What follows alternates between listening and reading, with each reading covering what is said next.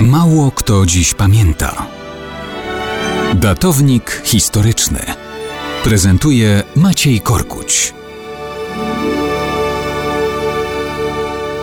Mało kto dziś pamięta, że wczoraj minęła rocznica dnia 20 marca 1413 roku, kiedy śmierć zabrała założyciela angielskiej dynastii Lancasterów Henryka IV.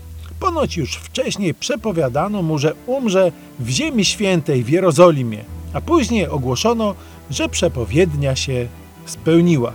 Czyżby? Henryk Bolingbroke, książę Lancaster, nie miał prostej drogi do tronu. Jego osobisty kuzyn, król Ryszard II, wygnał go z kraju i zabrał mu cały majątek. Zbuntowany Henryk w końcu powrócił i nie tylko postanowił odzyskać utracone posiadłości, ale sam ogłosił się królem, zrzucając z tronu panującego kuzyna. Ryszard, wtrącony do więzienia, został zamordowany, więc jego krew Henryk IV miał na swoich rękach. Musiał jeszcze długo dowodzić praw do korony i zwalczać konkurentów. W 1405 roku Henryk zrobił jeszcze większy błąd. Skazał na śmierć arcybiskupa Yorku Ryszarda Skropa.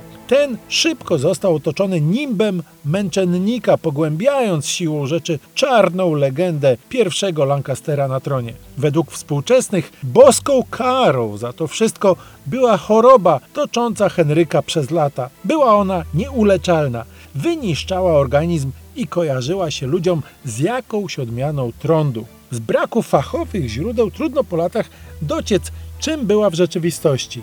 Kto wie, czy nie była to po prostu cukrzyca, z którą nie wiedziano, jak sobie poradzić. Inni podejrzewają jakąś formę epilepsji, a nawet syfilis. Tak czy siak, król miał zaledwie 45 lat, kiedy 20 marca 1413 roku w Londynie odszedł na tamten świat. Tak czy siak, król miał zaledwie 45 lat, kiedy 20 marca 1413 roku w Londynie odszedł na tamten świat. No ale przepowiednia mówiła, że miał oddać ducha w Ziemi Świętej, w Jerozolimie, więc się spełniło? No prawie.